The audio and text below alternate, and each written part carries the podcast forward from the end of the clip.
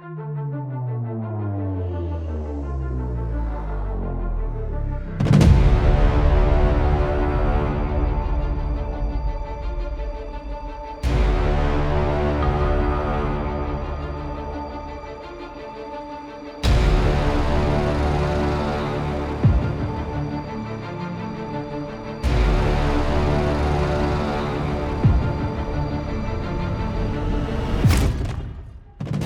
Cześć, witam na moim kanale.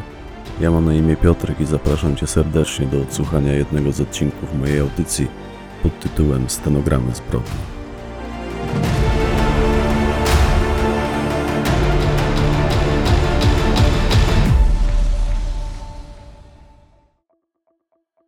Olbrzym, część pierwsza.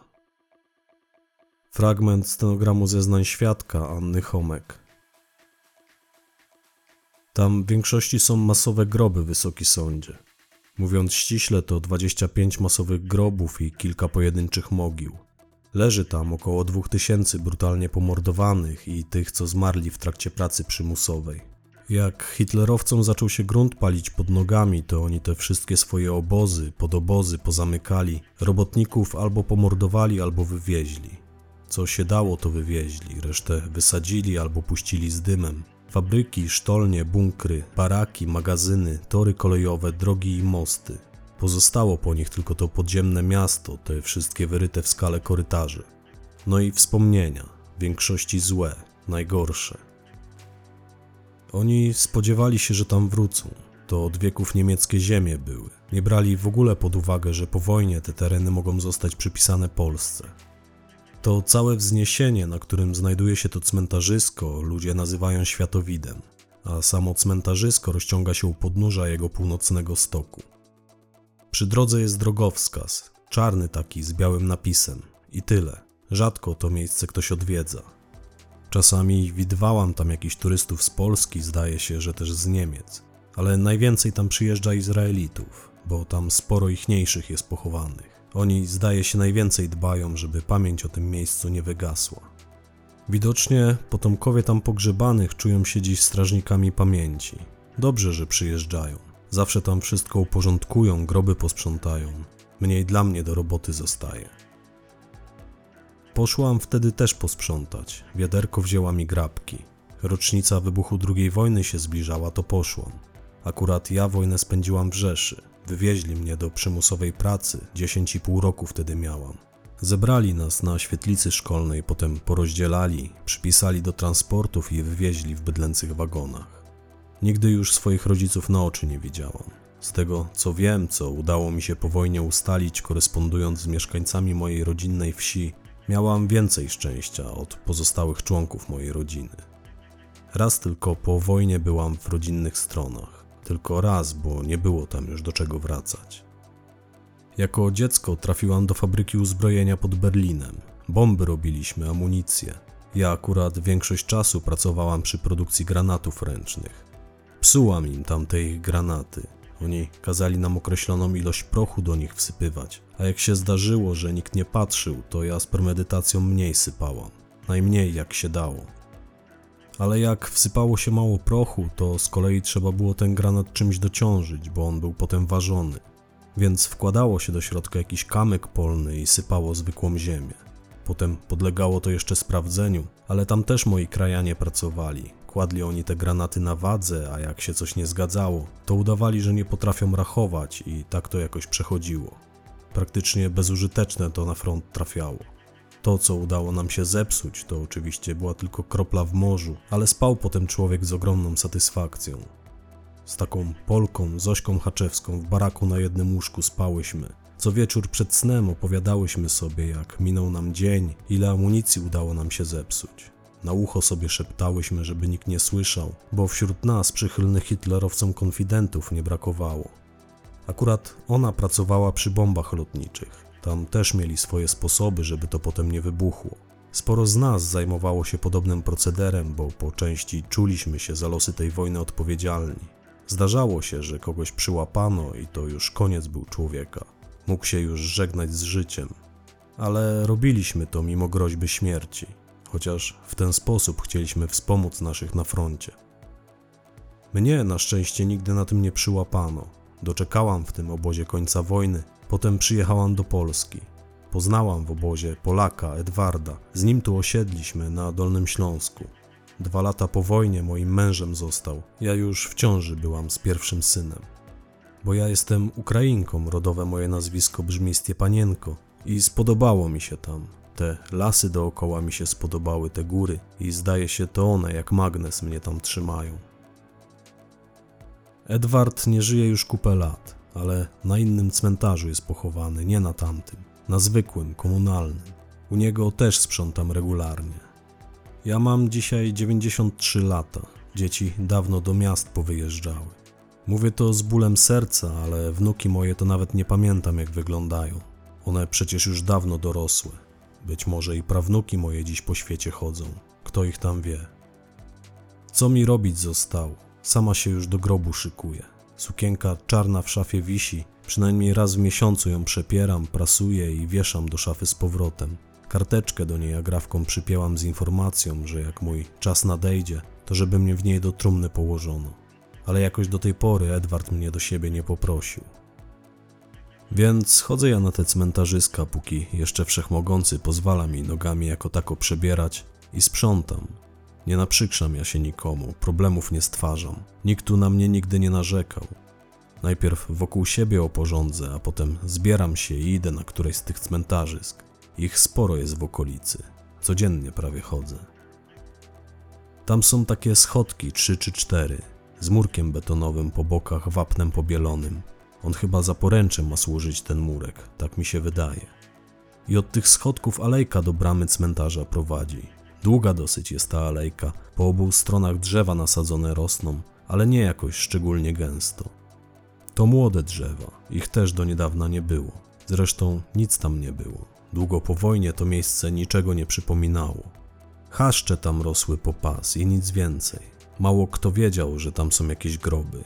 Tylko ci, co działki mieli w okolicy. No i Izraelici. No i oczywiście Niemcy, bo oni do dziś pewnie mają plany tego wszystkiego. Na pewno jedna brzoza tam rośnie w tej alei, a pozostałych nie kojarzę. Nie znam się aż tak dobrze na drzewach. Węglem zawsze paliłam, rzadko drewnem, bo w okolicy też sporo kopalni węgla zawsze było, a Edward był kolejarzem, na kolei pracował, za jego życia węgla mieliśmy pod dostatkiem. I tak nauczona jestem węglem palić, to i na drzewach siłą rzeczy się nie znam. Te bramy z tym ogrodzeniem dopiero kilka lat temu postawili. Jakaś gmina żydowska z Ameryki o to zabiegała. I powiodło im się. Zebrali pieniądze, wysprzątali definitywnie, ogrodzenie postawili. Tabliczka tam zawisła z informacją, że to ich dzieło, stąd wiem. Była 7.30 wieczorem, jak pod bramę podeszłam. Otworzyć ją już chciałam, za klamkę chwyciłam, patrzę, a tam kawałek dalej pod ogrodzeniem, w trawie coś ciemnego leży. Pies myślę jakiś, albo co, albo może worek jaki, czy kawałek folii z pola przywiało. Ciemne to było, z daleka w pierwszym momencie jak zwierzę się wydawało. Tym bardziej, że słońce już chyliło się ku zachodowi, a ja od lat borykam się z kurzą ślepotą. Jak tylko ciemniej się zaczyna robić, to pogarsza mi się widzenie. Nieznacznie, ale pogarsza mi się, kolory mi bledną. Szarówka mi się robi przed oczami. Więc kiedy to dostrzegłam, wrodzona ciekawość długo mi nie pozwoliła w miejscu ustać. Postawiłam wiaderko przy bramie, grabie o nią oparłam i poszłam sprawdzić. Sporo martwych ciał w życiu widziałam, bo wojnę światową los mnie przeżyć zmusił, ale akurat takiego nigdy. Na początku nie zorientowałam się nawet, że to człowiek. Cały był ubabrany w ziemi chyba, zresztą za skąpe to było na człowieka, za krótkie. Dopiero jak po grabki się wróciłam, zaczepiłam to grabkami, obróciłam to. Wtedy twarz ludzką, pokiereszowaną całą ujrzałam, ludzką rękę i serce w gardle mi stanęło. Ale zdążyłam się temu w miarę dobrze przyjrzeć. Niestety żadnych znajomych rysów w tej twarzy rozpoznać nie umiałam. Jak maska ta jego twarz wyglądała. Tak, jak szara maska. Nieprzyjemnie mi się zrobiło, zwłaszcza jak kolejny raz wiatr zawiał i trawy wokół zaszumiały. Zabrałam się zaraz stamtąd i poszłam ludzi we wsi powiadomić. Wysoki sądzie, chciałam tej pani policjantce podziękować, tej, która tam siedzi pod ścianą. Mogę? Bo mnie nie chcieli tu do budynku wpuścić. Nie miałam maseczki. Jak tu jechałam, to mi się w niej gumka urwała. I w zapasowej też. Ale ta policjantka podeszła do nas, powiedziała, żeby mnie wpuścili na jej odpowiedzialność. Dziękuję ci, dziecko. Fragment stenogramu zeznań funkcjonariuszki Komendy Wojewódzkiej Policji we Wrocławiu, komisarz Anety Widus. Tego dnia, a był to czwartek, gdy wróciłam do swojego biura, bo po odprawie poszłam jeszcze na chwilę do toalety, znalazłam na swoim biurku szarą teczkę podpisaną moim nazwiskiem. Jej zawartość stanowiły dwie fotografie. Jedna z nich to była fotografia sporego formatu przedstawiająca zdjęcie satelitarne jakiejś miejscowości z jej nazwą i zaznaczonym na niej czerwonym markerem cmentarzyskiem. Druga wyglądała na wykonaną telefonem komórkowym, przedstawiała coś. Dosłownie coś, bo gdyby nie to, że było to podpisane zwłoki, to za żadne skarby nie domyśliłabym się, co przedstawia. Dość szybko do mnie dotarło, że ową teczkę podrzucił mi nasz naczelnik, który ma w zwyczaju w podobny sposób przydzielać swoim podwładnym nowe śledztwa. Oczywiście w tych czerwonych bohomazach rozpoznałam też jego charakter pisma. Naczelnik twierdzi, że dzięki temu wzmaga naszą czujność, rozwija i pielęgnuje w nas zmysł dedukcji. I faktycznie chyba coś w tym jest, bo teczka teczką, zdjęcia zdjęciami, ale kombinuj sobie człowieku, o co mu właściwie chodzi. Przyznam, że przyglądając się zawartości tej teczki zagotowałam się jak rzadko, bo przez jakiś czas miałam mieć odbój w kolejnych śledztwach. Kilka dni wcześniej dostałam od naczelnika parę dni urlopu na załatwienie swoich spraw. Po powrocie obiecał mi też trochę luzu, bym mogła zrobić zaległą robotę. I nagle ta teczka. Więc zaraz jak tylko ją znalazłam, wzięłam ją i udałam się z nią do jego gabinetu. Wyczekałam aż skończył rozmawiać przez telefon, powiedziałam do niego: Naczelniku, miałam dzisiaj pozamykać zaległe sprawy, a pan mi jakieś nowe śledztwo przydzielił. Nie tak się umawialiśmy. A on mówi: Jedź, Aneta, nie mam kogo posłać, to ponoć tylko jakiś wypadek. Pojedziesz, przyjrzysz się robocie prokuratora i wrócisz.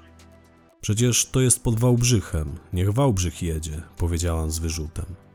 Wałbrzych nie ma ludzi, odparł naczelnik. Ja nie wiem, czy tam się wszyscy już pozwalniali, czy co, ale ja te kwestie poruszę dzisiaj na odprawie u wojewódzkiego. Nie może być tak, że tam cały wydział kryminalny przebywa na izolacji, a my jeździmy w ich rejon, żeby robić za nich robotę. Jedź, Aneta, bo te zwłoki ujawniono wczoraj późnym popołudniem, a ponoć one tam ciągle leżą. Nikt się nimi nie zainteresował. Naczelniku, przecież ja się buduję, stwierdziłam po chwili. Miała dzisiaj ekipa przyjechać komin mi stawiać, a to są tacy fachowcy, że jak się ich nie przypilnuje, będę miała krzywy ten komin, albo z dziurami, a naczelnik mi na to. Wymyśliłaś sobie 70 metrów bez pozwolenia, to wszystko będziesz miała krzywe. Nie łudź się, że nie. Mówiłem ci już. Zatrudnij sobie kierownika budowy i będziesz miała spokój. Albo w końcu kogoś sobie znajdź, niech ci pilnuje twoich marzeń i strasznie mnie tym poirytował, w związku z czym moje następne słowa brzmiały: Boli cię, naczelniku, że po rozwodzie stałam się jeszcze bardziej samodzielna. A on odparł: Wręcz przeciwnie, bardzo mi się to podoba i właśnie dlatego ty tam pojedziesz. Zobacz, co tam się wydarzyło, zrób dobrą robotę, zawieź papiery do wałbrzyskiej komendy, pierdolnij je komendantowi na biurko i wracaj. Powinna się zdążyć, zanim twój komin się przewróci. Jeszcze chwilę rozmawialiśmy, ale naczelnik obstawał przy swoim. Powiedział: Jedź, w tamtejszej okolicy sporo się dzieje, trzeba tam w końcu jakiś porządek zaprowadzić. Tylko delegację wypisz, jakby ci się tam miało przedłużyć. Więc wypisałam delegację i pojechałam, wysoki sądzie, z nadzieją, że wrócę chociażby przed późnym wieczorem. Pobrałam broń ze zbrojowni, pojechałam do swojego mieszkania, ale dosłownie tylko na kilka minut, by spakować najpotrzebniejsze rzeczy. Wbiłam w GPS nazwę tej niewielkiej miejscowości, to były Kolce w Górach Sowich i popędziłam. Naczelnik miał na tyle dobry humor, że pozwolił mi wziąć nieoznakowany radiowóz. Fragment zeznań funkcjonariusza Komendy Miejskiej Policji w Wałbrzychu, starszego posterunkowego Krzysztofa Stańczyka. W dniu 29 sierpnia ubiegłego roku zostaliśmy skierowani przez dyżurnego do Palestyny, to znaczy na Sobięcin, Wysoki Sądzie, do awantury domowej, która miała miejsce w jednym z domów położonych przy Krótkiej. Podczas interwencji awanturujący się wcześniej mężczyzna zachowywał się już spokojnie, wylegitymował się, spełniał polecenia. Wyczułem od niego woń alkoholu, jednak nie wykazywał szczególnych oznak upojenia. Jego małżonka, która zgłosiła tę interwencję, prosiła nas, byśmy mu darowali. W sumie wycofała zgłoszenie, kiedy dowiedziała się, że zamierzamy go zabrać na izbę wytrzeźwień. Jak mówiłem, on był spokojny, przeprosił i ją i nas. Powiedział, że niepotrzebnie się uniósł, a wybitą w drzwiach szybę wstawi w najbliższym czasie i posprzątał przy nas całe szkło z podłogi. Po kontakcie z dyżurnym odstąpiliśmy od dalszych czynności. Ta kobieta podpisała nam też oświadczenie, że konflikt został zażegnany, odwołuje zgłoszenie i bierze sobie męża pod opiekę. Łatwo poszło. Jadąc tam spodziewaliśmy się z moją partnerką jakiejś bijatyki, założyliśmy skórzane rękawiczki, ja przygotowałem sobie nawet ochraniacz na zęby, ale mówię, nadzwyczaj łatwo poszło. Spod tej kamienicy podjął nas radiowóz z dowódcą. W środku przebywali jeszcze funkcjonariusze innych dwóch patroli, którzy podobnie jak my kończyli służbę i mieli zostać przewiezieni do bazy. Łącznie było nas ośmiu, to znaczy siedmiu i jedna kobieta, moja ówczesna partnerka Justyna. Bo to jest tak, że wyjeżdżamy w miasto jednym busem, dowódca z kierowcą rozwożą nas po rejonach, obejmujemy posterunki, potem nas podejmują i wracamy do bazy, by podmienić się z kolejną zmianą. Tym razem było podobnie. W drodze powrotnej do komendy otrzymaliśmy od dowódcy polecenie rozpisania notatników i rozliczenia się z mandatów i notatek. W sumie nie miałem żadnych tematów do rozliczenia, więc podobnie jak inni dałem mu notatnik do podbicia, co oficjalnie kończyło moją służbę. Porozpinałem się, oparłem głowę o szybę i odetchnąłem z ulgą, bo to jak zwykle był dzień pełen przygód. Ale w momencie, gdy podjeżdżaliśmy pod szlaban parkingu komendy, usłyszeliśmy, jak oficer dyżurny woła naszego dowódcę przez radio. Nakazał nam zawrócić i pojechać do Kolc. Zgłoszenie dotyczyło odnalezienia zwłok. Po przybyciu na miejsce i potwierdzeniu się zgłoszenia zaistniała konieczność zabezpieczenia tego miejsca. W wyniku powyższego zostałem w kolcach, miałem oczekiwać na przyjazd ekipy techników oraz prokuratora, a dowódca wraz z pozostałymi patrolami wrócił do Wałbrzycha, do bazy. Bo mówiąc szczerze, nikt z nas tam nie chciał zostać, wysoki sądzie. Znając ówczesny stan osobowy w komendzie, spodziewaliśmy się, że to będzie całonocna, przejebana robota. Przepraszam, wyrwało mi się, już nie będę się tak wyrażał. Zwyczajnie, wysoki sądzie. Stojąc wtedy nad tymi zwłokami, postanowiliśmy, że będziemy ciągnąć losy. Kto wyciągnie zapałkę bez łebka, ten zostaje. No i jak zwykle mnie się ta zapałka trafiła. Ja nie wiem, jak nasz dowódca to robił, ale zawsze odnosiłem wrażenie, że był w tym jakiś podstęp, bo jak tylko przychodziło do losowania, to zawsze mnie się trafiała zapałka bez łebka. Pewnie dlatego, że w swoim plutonie byłem najmłodszy służbą.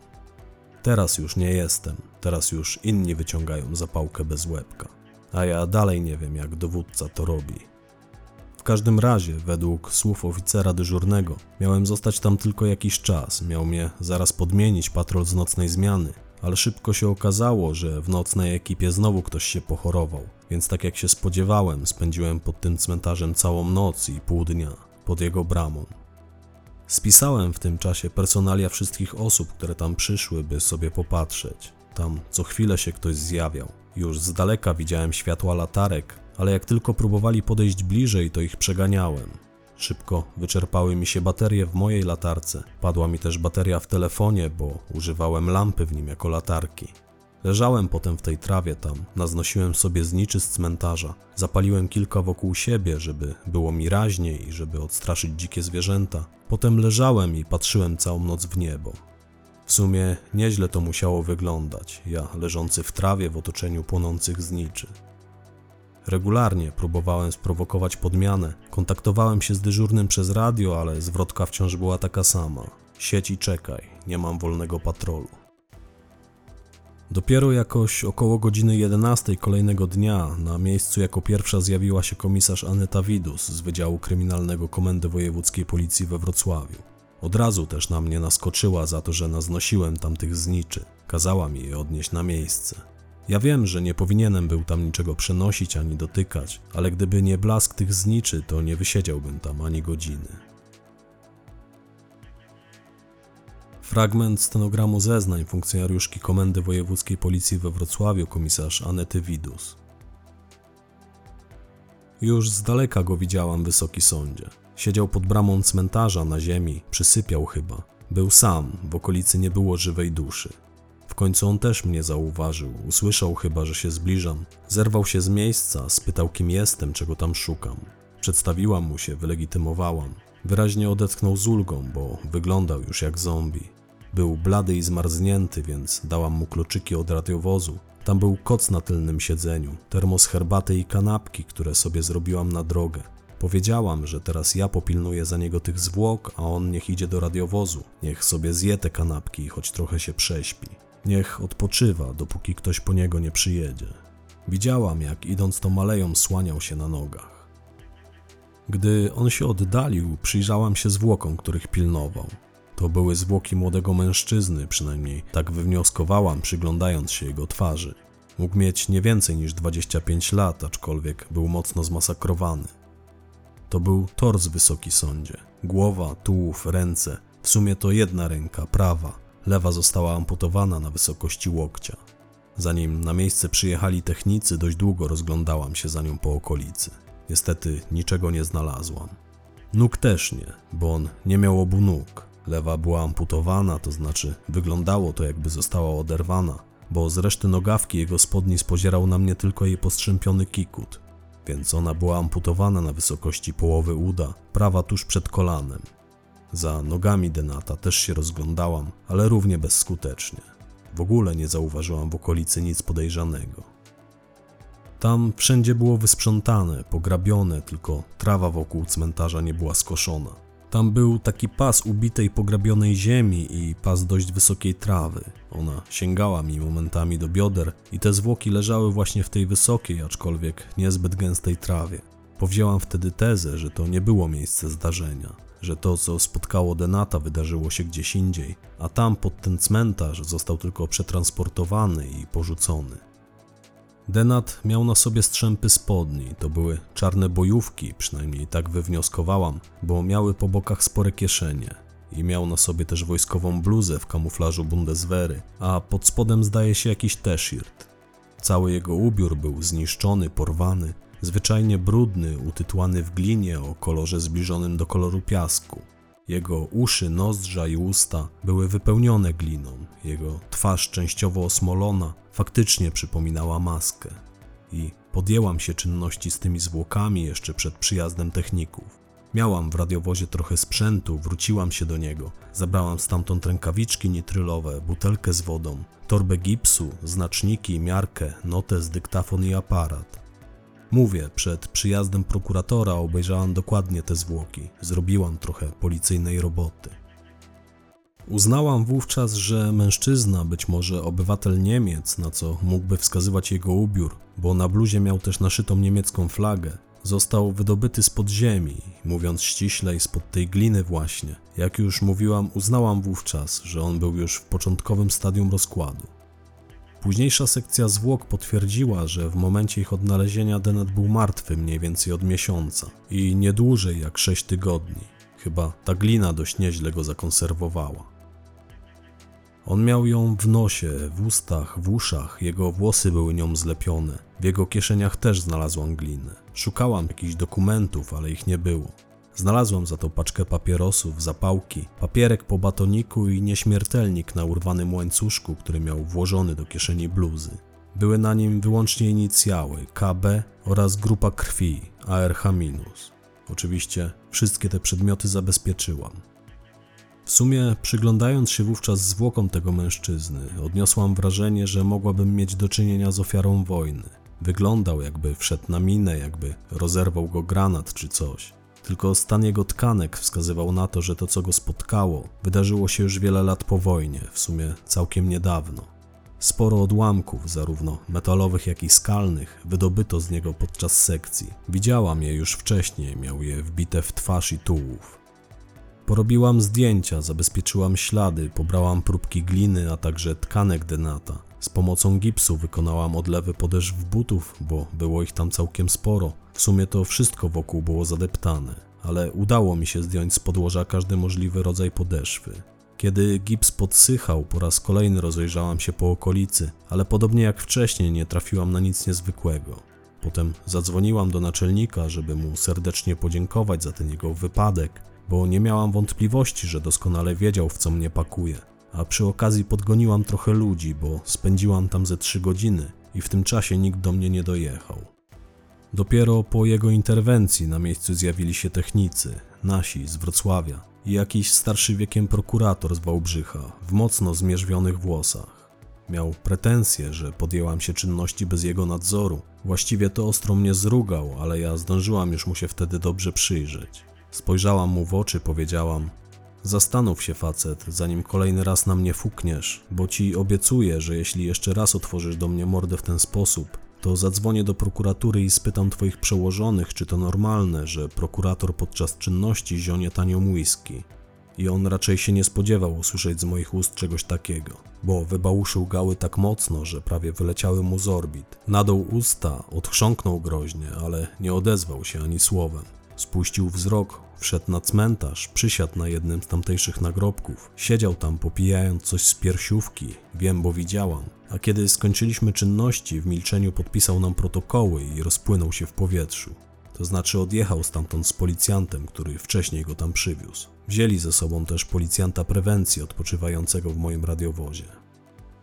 Nie, absolutnie wysoki sądzie. Gdyby ten prokurator wsiadł przy mnie w takim stanie za kółko, to byłby ostatni dzień jego kariery.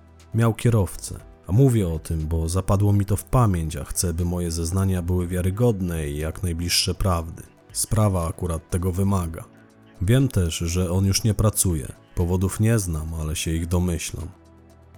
I już wtedy, odjeżdżając z tamtego miejsca, bo po zakończeniu czynności udałem się do Wałbrzyskiej Komendy Miejskiej odwieźć protokoły i wywiedzieć się co dalej z tym śledztwem, ja już wtedy w drodze do Wałbrzycha czułam pismo nosem.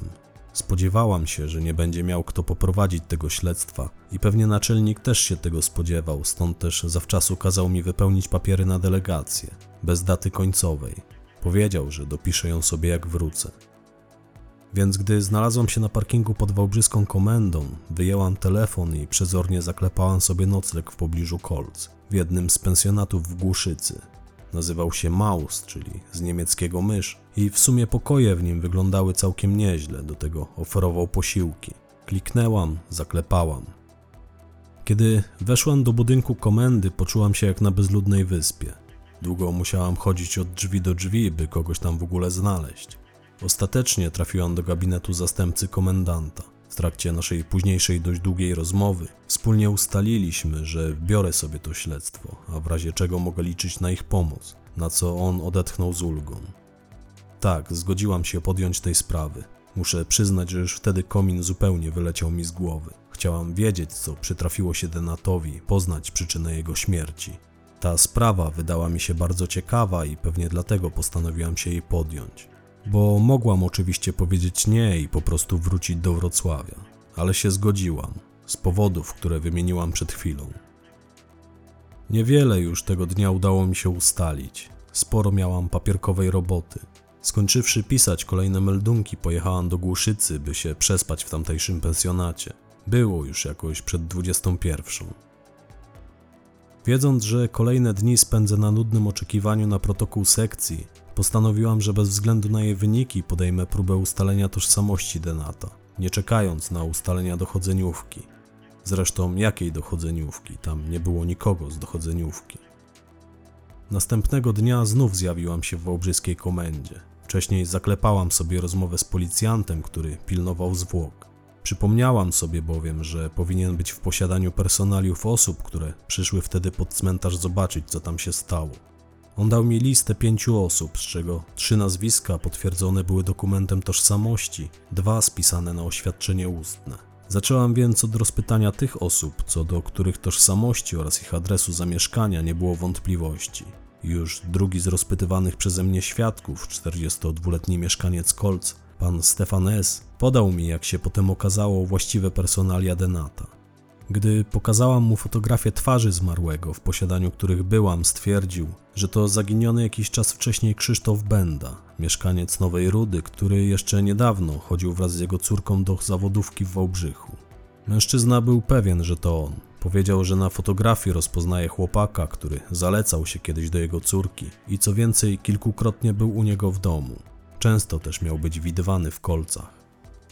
Świadek mówił na tyle przekonująco, że oczywiście postanowiłam to potwierdzić, w związku z czym tą samą fotografię pokazałam jego córce, a ona powtórzyła słowa ojca. I zostało mi już tylko potwierdzenie danych ofiary w Peselnecie, ale żeby nie wracać do Wałbrzycha, gdzie być może znów nikogo bym nie zastała, zamiast na północ pojechałam na południe. Po pół godzinie dotarłam do Nowej Rudy, rodzinnej miejscowości Denata i udałam się do tamtejszego komisariatu policji. Tam przyjęła mnie młoda funkcjonariuszka. Powiedziałam jej, kim jestem i w jakim celu przyjechałam. I potem wraz z nią ustaliłyśmy, że zgodnie z tym, co powiedzieli mi świadkowie, Denat to poszukiwany od ponad miesiąca 19-letni Krzysztof Benda. Wstępnie oczywiście, bo miałyśmy do porównania wyłącznie jego zdjęcia przyniesione przez rodziców, kiedy ci zgłaszali jego zaginięcie, oraz moje, które wykonałam telefonem pod cmentarzem. W Peselnecie nie było jego wizerunku, a to dlatego, że on do tamtej pory nie wyrobił sobie dowodu osobistego. Ale to wszystko mi jakoś pasowało. Twarze na fotografiach moich i tych dołączonych do zgłoszenia nosiły wspólne cechy, więc skontaktowałam się z moim naczelnikiem. Powiedziałam mu o swoich ustaleniach. Pół godziny później wrócił do mnie ze zwrotką, że następnym krokiem powinno być odszukanie najbliższej rodziny Krzysztofa Bendy i pobranie od przynajmniej jednego z jej członków materiału genetycznego do porównania. Nie byłam tym jakoś szczególnie zaskoczona. W sumie przygotowywałam się już do tego. Więc wzięłam od tej policjantki adres domu Bendów, poprosiłam ją o kopię protokołu zgłoszenia jego zaginięcia, wydruk jego danych z Peselnetu i natychmiast też się tam udałam. Mówię, ja czułam już, że jadę pod właściwy adres, bo jak wynikało z posiadanego przeze mnie protokołu zgłoszenia, ojciec Krzysztofa Bendy w momencie zgłaszania jego zniknięcia podał charakterystyczne cechy jego ubioru. Krzysztof w dniu zaginięcia wyszedł z domu ubrany w spodnie bojówki i bluzę Bundeswehry. Miał też zwyczaj nosić przy sobie nieśmiertelnik ze swoimi inicjałami i grupą krwi ARH-, a więc taki, jaki znalazłam przy Denacie. Gdy spotkałam się z rodziną Krzysztofa Bendy, to znaczy z jego matką i ojcem, mieszkającymi w Nowej Rudzie, w sumie to nieopodal komisariatu, oni już wiedzieli w jakiej sprawie ich nachodzę ktoś zdążył ich powiadomić o odnalezieniu zwłok młodego mężczyzny pod cmentarzem. Spodziewali się tego, co zamierzałam im powiedzieć, pokazać i co potem zrobić. Oboje zachowywali się w miarę spokojnie. Co naturalne, ze smutkiem przyjęli wiadomość o możliwym odnalezieniu zwłok ich syna. Do auta wróciłam z próbkami ich śliny oraz włosów. Pojechałam z nimi prosto do Wrocławia. Będąc już u siebie, to znaczy we Wrocławiu, udałam się z tymi próbkami do Katedry Medycyny Sądowej Uniwersytetu Medycznego. Tam też zostało wcześniej przetransportowane ciało Krzysztofa i zaznajomiłam się wówczas ze wstępnymi wynikami jego sekcji. Wynikało z nich, że zgon młodego mężczyzny nastąpił w wyniku wykrwawienia, co z kolei spowodowane było odniesionymi przez niego obrażeniami. Co więcej, na jego ubraniu znaleziono sporo krwi innej osoby, Została ona zabezpieczona do ewentualnych późniejszych porównań. Według słów ekspertów, młody mężczyzna prawdopodobnie wszedł na minę przeciwpiechotną, która pozbawiła go części trzech kończyn. Rodzaj miny podlegał późniejszemu ustaleniu. Jej wydobyte ze zwłok fragmenty zostały wysłane do Centralnego Laboratorium Kryminalistycznego w Warszawie, gdzie miały zostać poddane szczegółowej ekspertyzie. Krzysztof Benda wygasał powoli, na to przynajmniej wskazywał mechanizm jego śmierci. Potem przez jakiś miesiąc jego ciało przebywało pod ziemią, to znaczy w glinie. Następnie, ale to już wyłącznie moja ówczesna teoria, został spod niej wydobyty i porzucony pod cmentarzem. Zastanawiałam się, kto mógł to zrobić i po co. I jeszcze jedna rzecz nie dawała mi spokoju. We krwi Denata wykryto bardzo silny narkotyczny środek przeciwbólowy, aczkolwiek w małym już stężeniu. Środek znany na całym świecie od wielu lat, niedostępny na rynku cywilnym, przeznaczony wyłącznie dla armii. Mają go na swoim wyposażeniu załogi ratownicze wojskowych służb medycznych i tylko one. Jak powiedział mi wtedy dr Cembrowski, członek zespołu, który przeprowadzał sekcję Krzysztofa Bendy, pozwoli Wysoki Sąd, że zacytuję.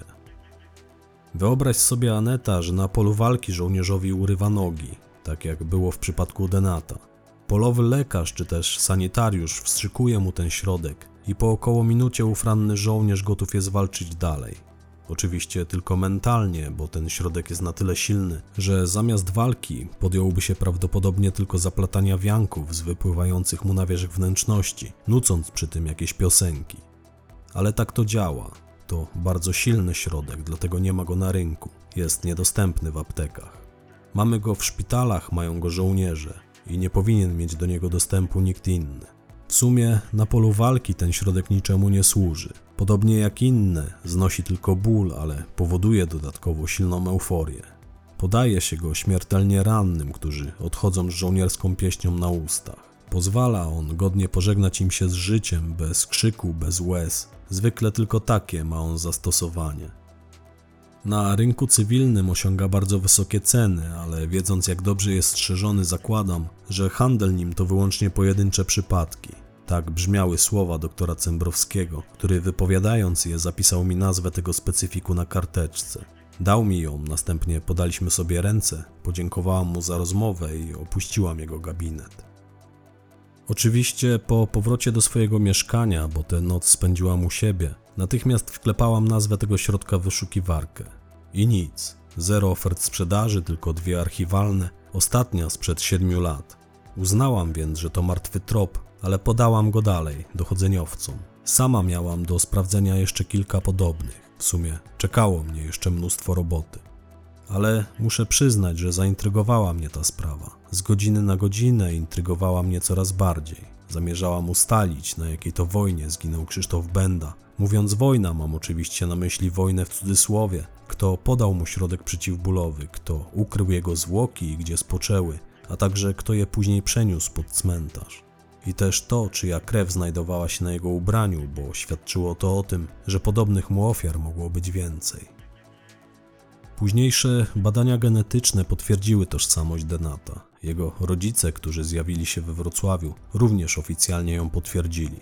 A ja, zgodnie ze sztuką w pierwszej kolejności, postanowiłam odtworzyć ostatnie chwile tego młodego mężczyzny, by dowiedzieć się, kto mógł mu wówczas towarzyszyć. Aby to zrobić, szczególną uwagę postanowiłam poświęcić na odnalezienie jego przyjaciół i znajomych. Ci z reguły są lepszym źródłem wiedzy na czyjś temat niż rodzina. Niestety, jak się już wkrótce okazało, Krzysztof Benda nie miał zbyt wielu przyjaciół. Ponoć stronił od ludzi, aczkolwiek jeszcze niedawno spotykał się z córką mężczyzny, który jako pierwszy go rozpoznał. Ale ani on, ani ona, ani też nikt inny nie potrafili mi powiedzieć, co Krzysztof robił tego feralnego dnia, gdy zginął. I o dziwo na jego temat najwięcej miał do powiedzenia jego ojciec. Po kolejnej rozmowie z nim doszłam do wniosku, że bardzo prawdopodobnym było, iż Denat mógł paść ofiarą własnego hobby, bowiem lubował się w pieszych wędrówkach po okolicznych górach, przemierzał ich stoki wyposażony w sprzęt speleologiczny w poszukiwaniu sztolni i jaskiń. Sam siebie nazywał poszukiwaczem skarbów. Ze słów osób, z którymi udało mi się porozmawiać, wynikało, iż był po prostu rządnym przygód młodym człowiekiem, jakich wielu mieszka w tamtych okolicach. I przyszło mi wówczas na myśl, że przecież w tych górach wciąż może istnieć wiele pozostałości po wojnie. Jakieś składy amunicji, jakieś składziki, korytarze, a któryś z nich, do którego być może udało się dotrzeć Krzysztofowi, mógł być zaminowany i tak oto skończył on swój żywot. Ale z kim wtedy był i czy w ogóle z kimś był? Czy krew, którą znaleziono na jego ubraniu, należała do osoby, która mu towarzyszyła, która potem porzuciła jego ciało? Lubię takie pytania, wysoki sądzie, a jeszcze bardziej lubię szukać na nie odpowiedzi. Na rozmowach z ludźmi, w większości mieszkańcami Kolc i Głuszycy, spędziłam kolejnych kilka dni. Pytałam ich, czy znali Denata, jaką miał opinię, czy słyszeli przed około miesiącem jakąś eksplozję w okolicy, czy wiedzą coś na podobne tematy. I kilka osób poradziło mi wówczas, bym o to samo spytała pułkownika, ale na pytanie o tożsamość owego pułkownika już udzielić odpowiedzi nie chcieli.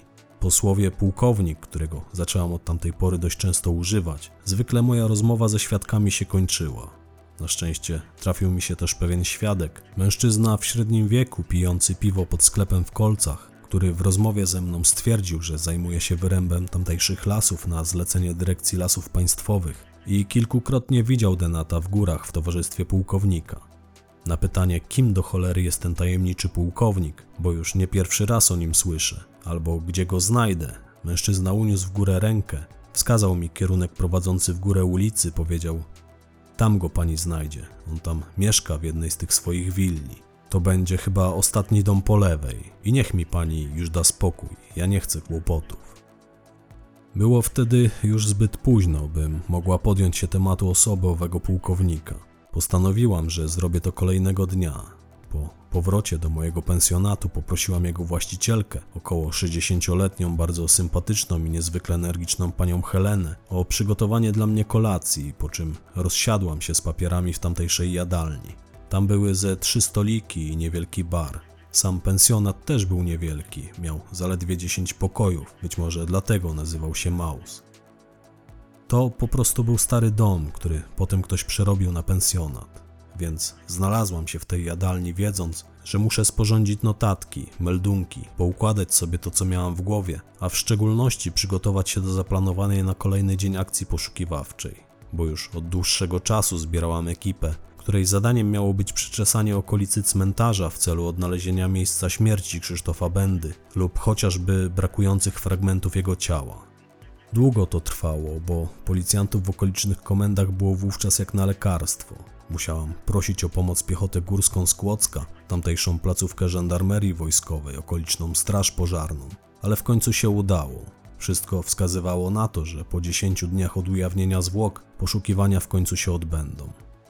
W każdym razie w jadalni pensjonatu, gdzie przygotowywałam dokumenty, patrząc w mapę okolic, sporządzałam plan na kolejny dzień. Siedział oprócz mnie jeszcze tylko jeden starszy pan w okularach. Widywałam go już wcześniej. On zdaje się pomieszkiwał w tym pensjonacie, gdy ja się tam meldowałam. W pierwszym momencie odniosłam wrażenie, że to mąż właścicielki, bo sporo ze sobą rozmawiali. Ewidentnie byli ze sobą w komitywie. W pewnym momencie on coś do mnie zagadnął, ja mu odburknęłam. Potem znów coś zagadnął, potem się do mnie przysiadł i tak dalej. Czułam, że usilnie szuka sobie towarzystwa i w naszej ówczesnej rozmowie ten starszy mężczyzna przedstawił mi się jako Jerzy Weka. Powiedział, że jest profesorem, pracownikiem naukowym Zakładu Mineralogii Instytutu Nauk Geologicznych Uniwersytetu Jagiellońskiego. I uznałam, że faktycznie tak jest, zaraz po tym jak udzielił mi wykładu na temat minerałów skałotwórczych, z których składać się miały pobliskie górskie pasma. Zapamiętałam pegmatyty, kwarce i beryle. Tylko tyle. Zresztą nie miałam głowy do tego, o czym on do mnie nawijał, a rozkręcił się wówczas bardzo. Wyznał mi, że rokrocznie przyjeżdża w Góry Sowie, by prowadzić tam przez kilka miesięcy swoje badania, że jest zakochany w tym miejscu, że dla owych badań i miejsc poświęcił życie prywatne, rozstał się z żoną i tak. Trochę mi się wówczas naprzykrzał, nie powiem, ale wziąłem go za człowieka, który z racji tego, że sporą część życia spędził w lasach i jaskiniach, miał prawo być na swój sposób specyficzny. Więc tak siedzieliśmy, piliśmy herbatę, gaworzyliśmy. Ja pisałam przy tym swoje papiery. Wiedziałam, że on, będąc przyjezdnym, raczej nie będzie potrafił mi udzielić odpowiedzi na żadną z nurtujących mnie kwestii, ale o jedną rzecz i tak postanowiłam go spytać. Mianowicie spytałam go, gdzie w tych górach mogłabym natrafić na pokłady gliny. Już chwilę później pożałowałam swojego pytania, bo on uraczył mnie kolejnym wykładem na temat tego, iż glina to również skała, tylko i lasta, czyli drobnoziarnista i tak dalej, i tak dalej.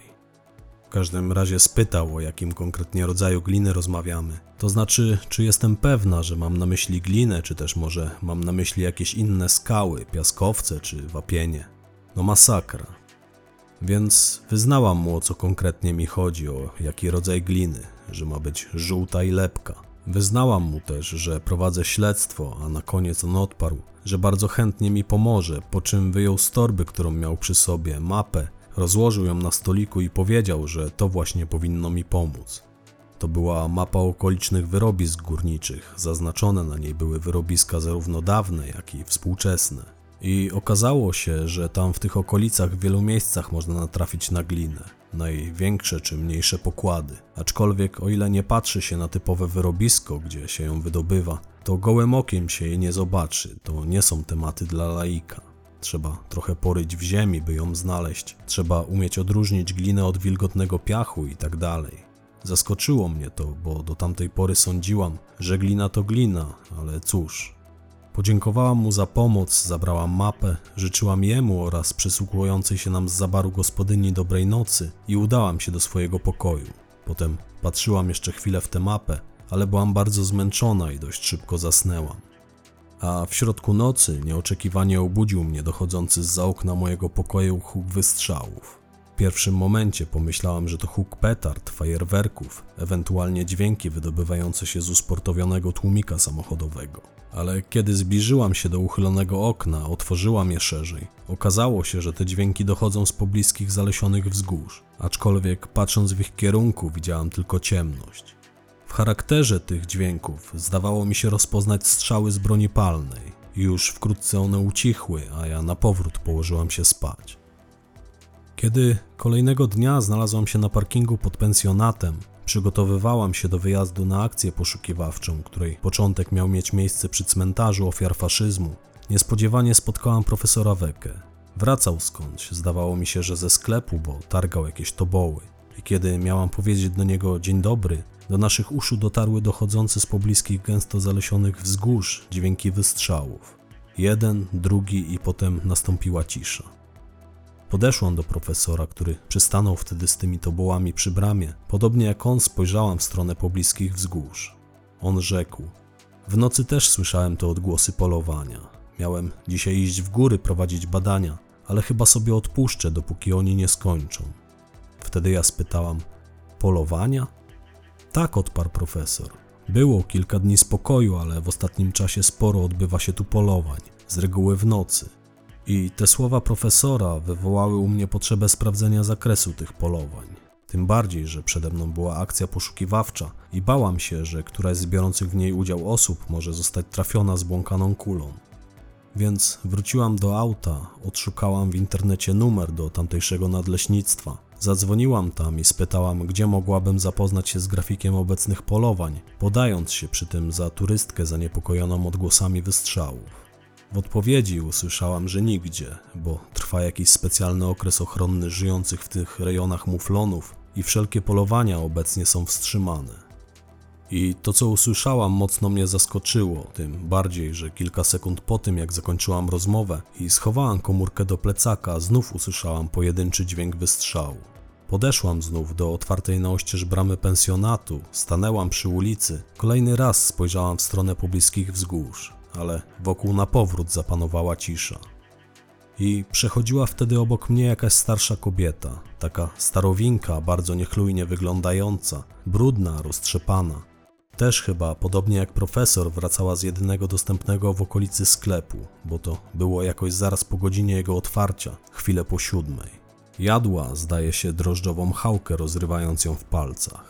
Przechodząc obok mnie, spojrzała mi pod nogi, potem na te wzgórza, potem znów jakby mi pod nogi. Z lekkim przekąsem, tak jakby bardziej do siebie niż do mnie powiedziała: Cholerne psu braty, obudzili olbrzyma i znowu się zacznie. I już zamierzałam do niej podejść, porozmawiać z nią, spytać co ma na myśli, ale poczułam na ramieniu czyjąś rękę. To była dłoń właścicielki pensjonatu, pani Heleny.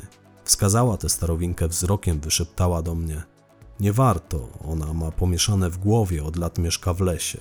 Nikt nie wie, kim jest ani gdzie nocuje. Ludzie mówią, że przypuszczalnie w jakiejś sztolni. Tak brzmiały słowa właścicielki pensjonatu. Po naszej krótkiej wymianie zdań ona wróciła do środka, a ja wsiadłam do auta i odpaliłam silnik. Opuściwszy parking, skierowałam się w stronę cmentarza. Dogoniwszy idącą poboczem zagadkową kobietę, zatrzymałam się przy niej, uchyliłam okno. Może panią podwieźć? spytałam, ale ona nie zwróciła na mnie żadnej uwagi. Słyszałam natomiast, jak powiedziała, bo zrobiła to dość głośno. Wracaj do Wrocławia, Anetka. Zrób to, jeśli ci życie miłe, bo te góry i tak nigdy nie wyjawią swoich tajemnic. I poszła, nie zwolniwszy kroku ani na moment. A ja jeszcze przez dłuższą chwilę stałam tam przy poboczu, patrzyłam, jak jej przygarbiona sylwetka oddala się ode mnie, by potem zniknąć za ścianą pobliskiego lasu.